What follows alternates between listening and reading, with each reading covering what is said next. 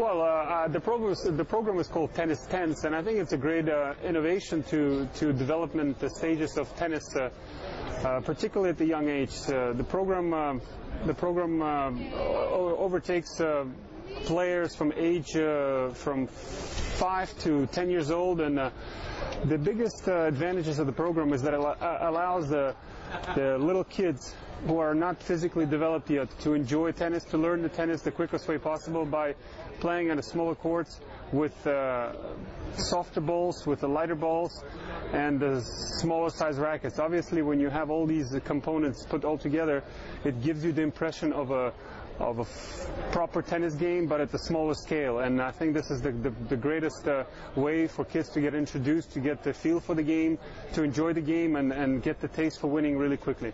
How much experience have you had with tennis tens?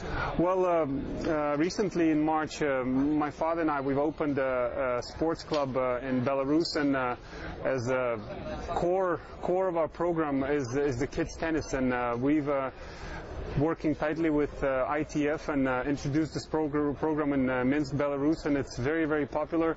It's very new to our region, and many, many kids are participating, and we see and we see certain results positive results, quick results from uh, those kids uh, joining the program. it's been running since March this year, you know, few, few months in, and I see incredible improvements that the kids make being part of the program.